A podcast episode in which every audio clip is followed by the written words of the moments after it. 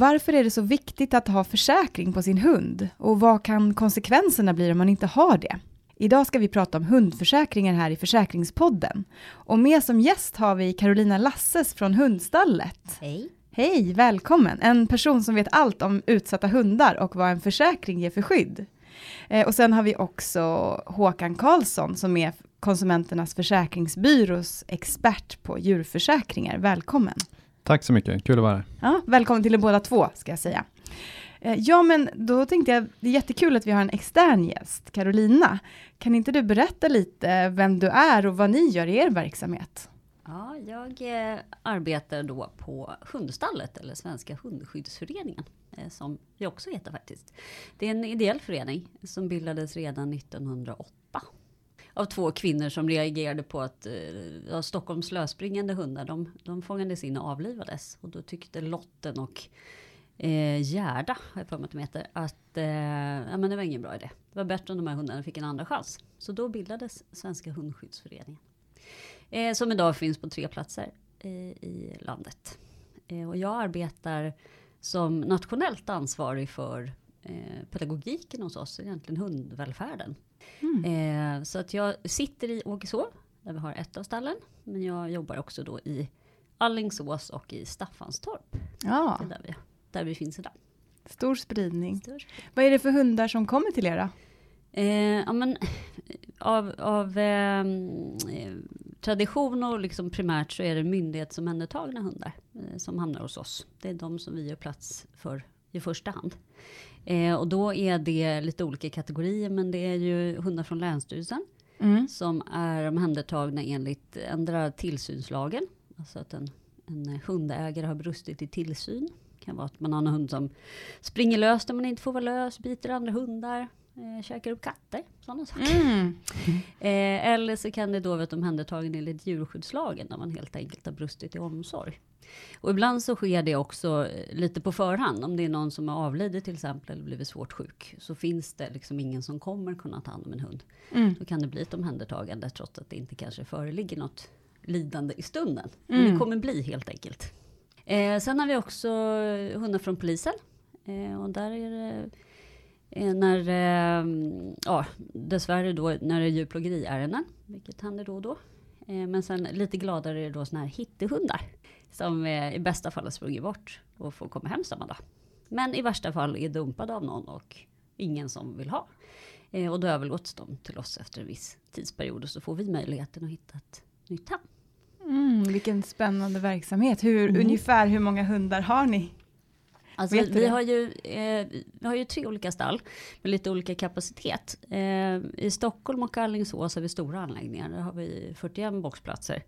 Eh, men tillstånd för betydligt fler hundar. Och det är ju så att ibland får vi in till exempel djursamlarärenden. Att det kommer väldigt många hundar eh, från samma tillslag. Jag tror vårt rekord är 147 hundar från samma privatperson. Oj, oj, oj. Och då är, då är ju det hundar som är vana att vara tätt och vi kan ha flera i en box. Eh, men det finns liksom 41 boxplatser eh, för hundar som hålls en och en då på de, på de stora stallen.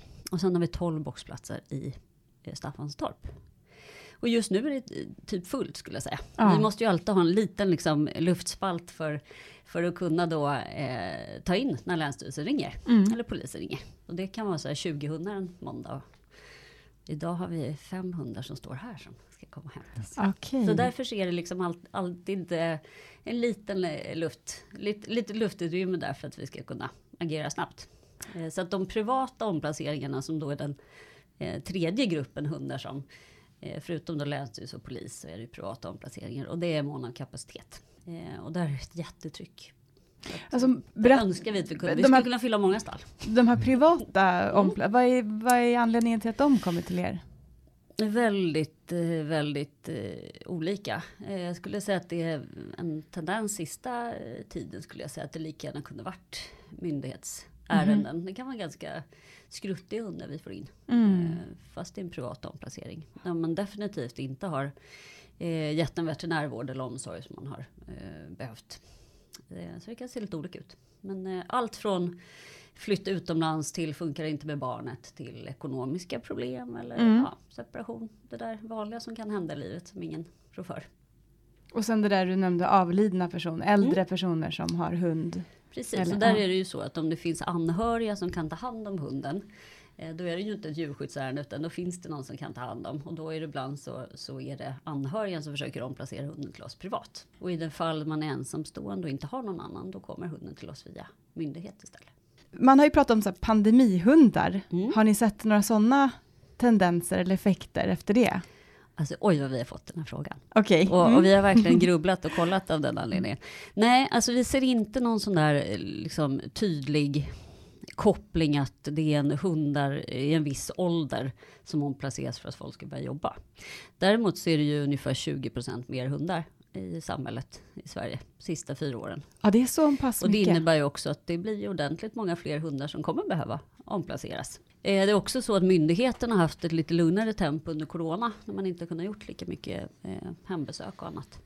Vilket gör att de är i farten nu. Så det är ett högt tryck även från myndighetssidan. Så att mer hundar, men jag kan inte säga att det är just det, liksom, corona-effekt. Jag skulle säga att det är en blandning av alla möjliga saker, verkar det vara. Men Ja. framförallt tror jag att det är för att vi har mycket, mycket fler hundar. Du sa, du sa i början där att när, ni, när det startade, så grundades er verk- verksamhet, så var det främst liksom lösa hundar, gatuhundar och så. Är det, hur stor del är det idag? Eller finns det ens? Ja men det är ju de här hittehundarna skulle jag Ja. säga. Alltså, så fort man i Sverige ser en lösspringande hund som ingen tar hand om så kontaktas ju polis. Och det blir det att ett, eh, hunden får ett hittegodsnummer, det blir ett hittegodsärende. Okej. Eh, och sen så eh, ska man ju i Sverige registrera sig som ägare i djur, eh, Jordbruksverket och ha sin hund chippad. Så förutsatt att man har det så kommer man få ett samtal. Och så Mm. kommer man få hämta sin hund. Men eh, i de fall det inte finns någon registrerad ägare och ingen liksom, ja, vill få tillbaka sin hund. Då blir det istället så att hunden eh, blir ett ärende och överlåts till oss för att hitta.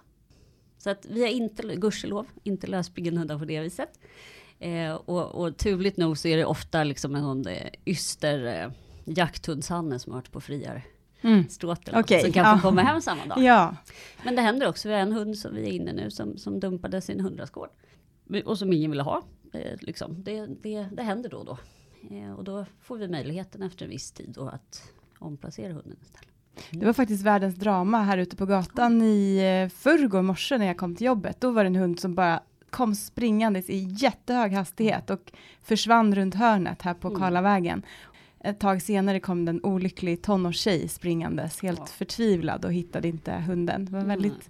Gripande. Jag hoppas att hon fick tag på hunden. Det, had, det får hon ifall den är chippad och Ja. hon är registrerad som ägare. Det är så himla himla viktigt. Mm. Inte nog att understryka. För då är det inte så svårt alls. Läser man av chip Ja, och ser man ett nummer så ringer man och säger vet du vad, nu har jag din hund här.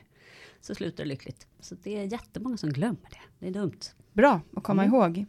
Men det är ju en väldigt ekonomiskt pressad situation i Sverige. Vi märker det i vår vägledning att konsumenter hör av sig och, och undrar om de ska säga upp någon försäkring för att det har blivit så dyrt allting. Ser Mm. ni någon effekt av det då? Har ni sett det än? Det är kanske är för tidigt att säga. Nej, men det, det, det gör vi faktiskt. Jag skulle Ja. säga framförallt så är det ju i alla fall skulle säga hälften av alla de privata omplaceringar vi får in som ansöker, vi har liksom ett ansökningsförfarande där man fyller i uppgifter, det är oförsäkrade hundar.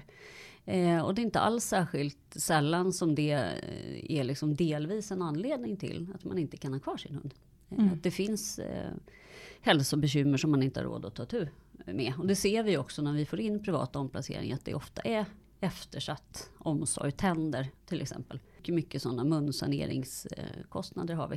Eh, För att det är hundar som har tandlossning och tandsten och, och vad det kan vara för saker. Bara den här veckan är det två stycken som har uppgett som skäl att det är faktiskt bara ekonomisk anledning. Att det Mm. finns en sjukdomsproblematik om man har en oförsäkrad Mm. hund. Så att ja, det skulle jag definitivt säga är en del av det som kan vara skälen till omplacering av hund. Ja, för det var ju min nästa fråga om ni har sett att de lämnas in för att de är oförsäkrade, men då är det en följd av att eh, man inte har råd att teckna de här försäkringarna. Ja, eller ja, ja, det har jag ju ingen aning om Eller- varför man inte har tänkt Nej. från början. Men man har i alla fall en hund då som, som har konstaterat någon typ av hälsobekymmer som man behöver ta tur med och där inte ekonomin finns. Eh, och där har ju vi på, eh, i samarbete med en annan organisation, något som heter Fri veterinärvård. Eh, där vi, eh, man kan omfattas av eh, ett sådant projekt för att få hjälp med veterinärkostnader. Men då ska man liksom leva under existensminimum. Mm. det, och det finns ju på något vis ett gäng däremellan också. Ja. Som inte är eh, så pass ekonomiskt utsatt att man kan få den typen av hjälp. Men kanske ändå inte har de pengar. För det kan bli ganska stora pengar såklart. Om man har en oförsäkrad hund. Och behöver en operation till exempel. En livmoderinflammation är inte särskilt ovanligt. Det är många pengar om man inte har en försäkrad hund. Eh, och då sitter man där. Ja, men det är samtidigt onödigt att avliva för en. Det, Ja. För det är väl det där ni kommer in också när eh, man är man har inga pengar att betala veterinärvården för, men egentligen skulle den här hunden lätt kunna räddas. Så är det ju eh, absolut då och då. Och det är ju, jag menar, som jag sa, vi skulle kunna fylla ganska många stall. Och där är Mm. det ju tyvärr så att vi inte riktigt har kapaciteten att möta det trycket. Mm. Eh, nu har vi precis bestämt om en större etablering i Skåne, att det ska bli ett stort stall där också, för det är jättetryck. Eh, så jag önskar att vi kunde ta emot alla, men det kan vi inte. Nej. Nej. Hur, hur länge stannar i snitt en hund när ni får in den innan den liksom omplaceras eller så? Är det väldigt spretigt där eller? Ja, vi, alltså snittet är ju inte spretigt, för det är 38 dagar. Ja. Men då Mm. kan jag säga att det är allt från de här fyra timmarna innan någon hämtar sin beaglehane som har varit på fria stråt till en hund som sitter över ett år. För att den är väldigt omplacerad. Eller svår att omplacera. Så att, eh, men i snitt, eh, alla våra hundar oavsett hur de kommer in till oss, är det 38 dagar. När det är myndighetsärenden så kan det ta ganska lång tid innan man ens vet vad som ska hända med hunden. Då är ju vi en uppstallningsplats innan det blir vår hund så att säga. Och det är då arbetet börjar med att försöka få den hunden att må så bra som möjligt så att det eh, går att få ett nytt liv, ny chans hos någon. Så det är olika hur lång tid det tar. Har ni hört att eh, folk har beklagat sig för att premierna har höjts kraftigt? Alltså hundpremierna. Alltså inte just eh, till oss, men ni är ju också hundägare och Ja. finns det den eh, riktiga världen utanför hundstället på så det är absolut, det hör man ju. Det är Mm. dyrt. Det är Mm. dyrt att hund. Ja. Så är det. Mm. Men, och, har, nu kanske du redan har svarat på det. Har ni sett några andra konsekvenser av att hundar är oförsäkrade? Ja men det blir ju alltså, djurskyddskonsekvenser. Där det liksom i, i ett eh, sista led handlar om att man blir av med sin hund. För det är ju faktiskt så att enligt djur- djurskyddslagen så måste man Mm. ge den typen av omsorg som till exempel veterinärvård är. Mm. Man får, det, det ingår i att ta hand om en hund. Så det är inget som är valfritt. Liksom. Eh, så att kan man inte det, då kommer ju till slut omgivningen reagera på att man har en hund som ser skrutt ut och sjuk ut. Och så kommer det bli en anmälan. Eh, och i värsta fall då en, ett omhändertagande. För att den här hunden ska få vård. Så att definitivt så är det så att vi ser nu vet inte jag om det är exakt att alla är oförsäkrade. Det kan finnas andra, men eh, det är väl ekonomier gissar jag. Att man Mm. i alla fall inte haft råd eller haft eh, möjlighet att, att ge hunden den veterinärvård den ska ha. Så det ser vi definitivt. Ja, men då, då passar det väldigt bra att fråga dig Mm. Håkan nu här, för nu hör vi hur viktigt det är att man har sin hund försäkrad för att inte riskera då att hamna med eh, veterinärvårdsräkningar som man inte har råd med. Vad är det för skydd man egentligen kan få från en hundförsäkring? Nej, men det är otroligt viktigt att man har försäkring, eh, särskilt nu senaste tiden skulle jag säga. Alltså med tanke på att både, det är inte bara premierna som har gått upp, det är ju vårdkostnaderna också. De, de hänger väl ihop i, till stor del. Eh, så att det är otroligt viktigt att ha en försäkring om, om hunden drabbas av, av en sjukdom eller ett olycksfall. Och en försäkring är ofta uppdelad i två delar, men livförsäkringsdel och en veterinärvårdsdel. Eh, och det är väl veterinärvårdsdelen framför allt som är den viktiga. Det är den som täcker alla kostnader för, för vård och behandling och även undersökning eh, som hunden kan behöva. Eh, har man ingen försäkring då, då tvingas man ju stå för hela den biten själv och det kan ju bli väldigt kostsamt. Finns det några, väl, alltså vad är bra att känna till då, när man ska teckna en hundförsäkring? Ja, det, som inom alla områden på försäkring så finns det ju undantag såklart. Försäkringen täcker ju inte allt. Eh, och det kan ju vara undantag liksom som är rasspecifika då. Att eh, vissa raser har en större benägenhet att drabbas av vissa åkommor, så då får man ju ha koll på det om man har en sån eh, ras, så att man är införstådd att det här kanske inte som, som min hund löper större risk att drabbas av, det kanske inte kommer att ersättas. Så att det är bra att, att kolla upp det. Eh, och det kan ju vara ögon, öron för vissa raser eller svalget, näsborrar, tandvård kan ju vara begränsat i, i, till viss del också. Framgår det av vår jämförelse på konsumenternas.se? Inte just de här specifika så, Nej. utan där behöver man titta till villkoren då, utifrån den ras man har. Mm.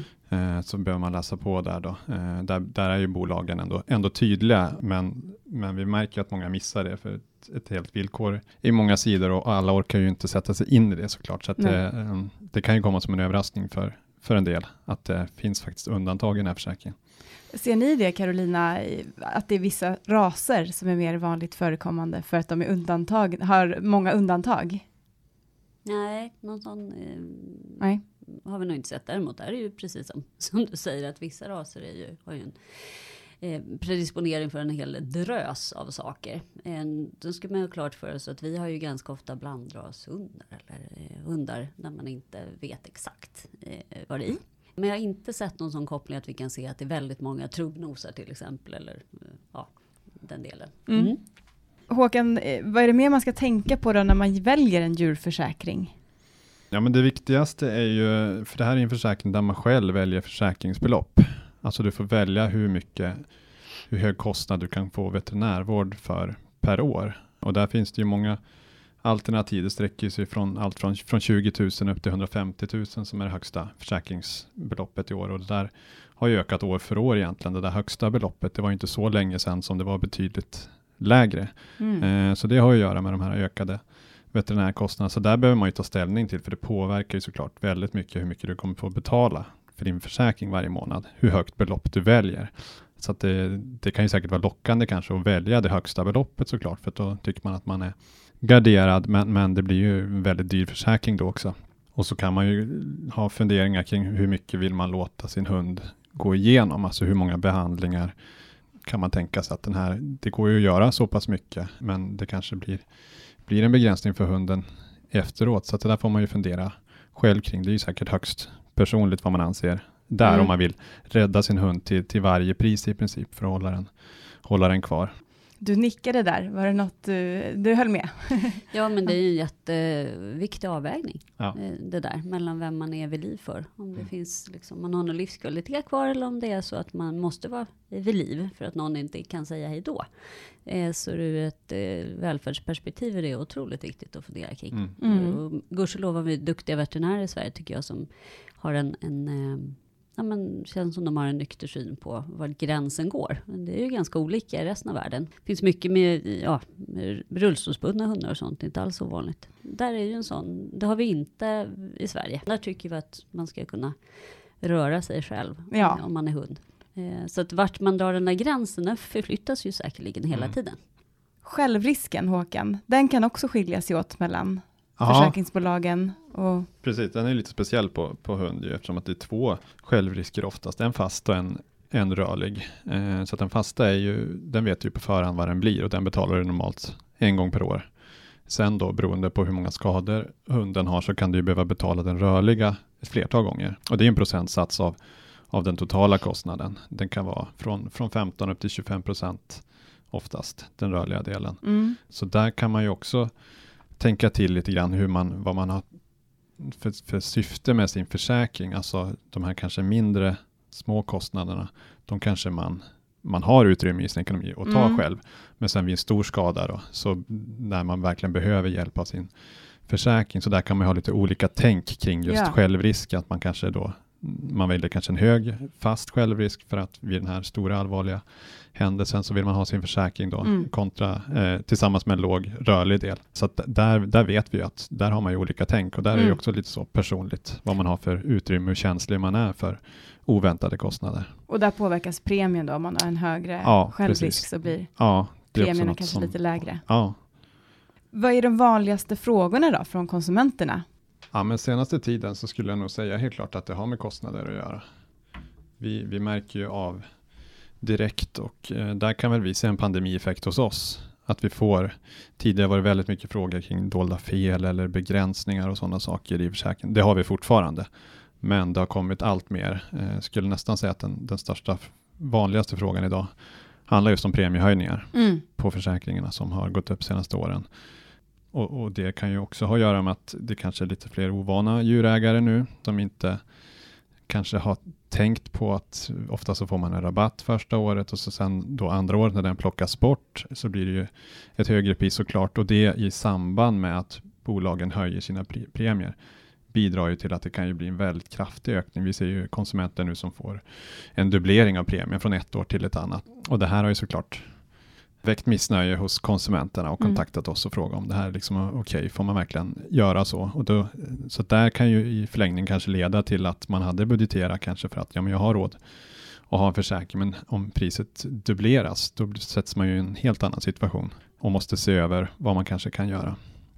Det är dyrt att ha hund helt enkelt. Det ska man tänka på när man bestämmer sig för ja. att skaffa en hund. Ja, och det är ett långt åtagande också. Man ska ju inte bara ha försäkring liksom ett år, utan du skulle kanske ha den i 10-15 år, så att man behöver ju se långsiktigt på det.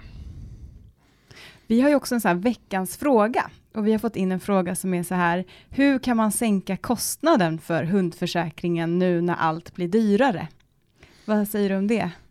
Ja, du är inne lite på det. Ja, precis det var Och normalt sett så brukar ju vi säga att man ja, men byt försäkringsbolag, sätt dem lite i konkurrens med varandra. Men det gör vi ju inte när det handlar om djur eller personförsäkringar. Så att den liksom makten tappar man som konsument ofta.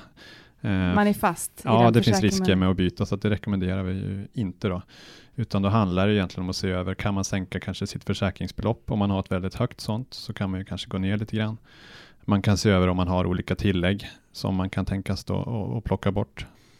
Och eh, även då den här eftersom försäkringen består av både veterinärvård och liv. Eh, och där veterinärvården ju såklart är den viktiga delen. Mm. Eh, och livförsäkringsdelen brukar utgöra ungefär 20 procent av, av premien. Då. Så den kan man också då fundera över om jag, om jag behöver ha kvar just livförsäkringsdelen. Man får ju ut marknadsvärdet eh, på hunden i den försäkringen. Då. Men om man behöver plocka bort något så är det ju mm. den i så fall man får se över. Är, är det någonting vi har missat nu att prata om här om försäkringar som känns viktigt, som ni kommer på? Eh, bara vikten av att ha en försäkring. Ja. Skulle jag säga. Mm. Man kanske till och med behöver, det har vi hemma, ett liksom lite sparande ändå. För när det, för att även när man har en försäkring så kan det bli ganska mycket ändå. Ja. Eh, den rörliga delen och en mm. självrisk och så. För det blir ett akut sjukdur som ska ligga inlagd och kanske någon operation. Det rör sig om jättemycket pengar. Mm. Så ja. vi har faktiskt en liten sån bil och hundkonto. Där det liksom ligger en buffert så vi inte står där och bara vilken exemplarisk konsument, för det är precis det vi försöker framhålla, att det är viktigt att man har en buffert, mm. även om man har försäkringen, man kan inte förlita sig på det, för det är åldersavdrag och det är självrisker och det kan bli dyrt ändå. Eh, så det är jättebra tips, ha en buffert för mm. oförutsedda utgifter. Ja, men då ska jag bara försöka sammanfatta, man kan helt enkelt säga så här, att har man en hund ska man se till att man har en hundförsäkring. Så man får räkna på innan man skaffar hund vad det kommer att kosta. Det är inte bara mat och eh, andra saker som kostar, utan det är, försäkringen är jätteviktig. Och när man ska välja försäkringar kan man gärna gå in på konsumenternas.se och titta eftersom vi har en Snart kommer en ny uppdaterad hem, hundförsäkringsjämförelse, eller hur? Ja, men precis. Det har varit efterlängtat, eh, så vi har velat göra den en ganska lång tid, men nu ser det ut att äntligen bli dags. Vi hoppas kring eh, årsskiftet att vi kan lansera den. Mm. Den nya, lite mer tydliga, användarvänliga eh, versionen, hoppas vi. Mm. Strålande. Ja, men eh, det var ju allt för det här avsnittet. Gå gärna in på konsumenternas.se och läs och kolla, där finns de flesta svar du kan ha på frågor om försäkringar. Eh, och tveka inte att kontakta oss per telefon eller mejl om du har någon fråga om din försäkring.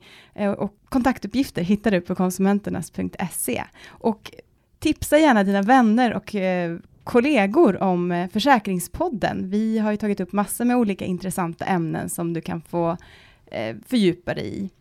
Och tack så jättemycket Carolina för att du kom hit idag. Tack. Och tack till dig också Håkan. Tack.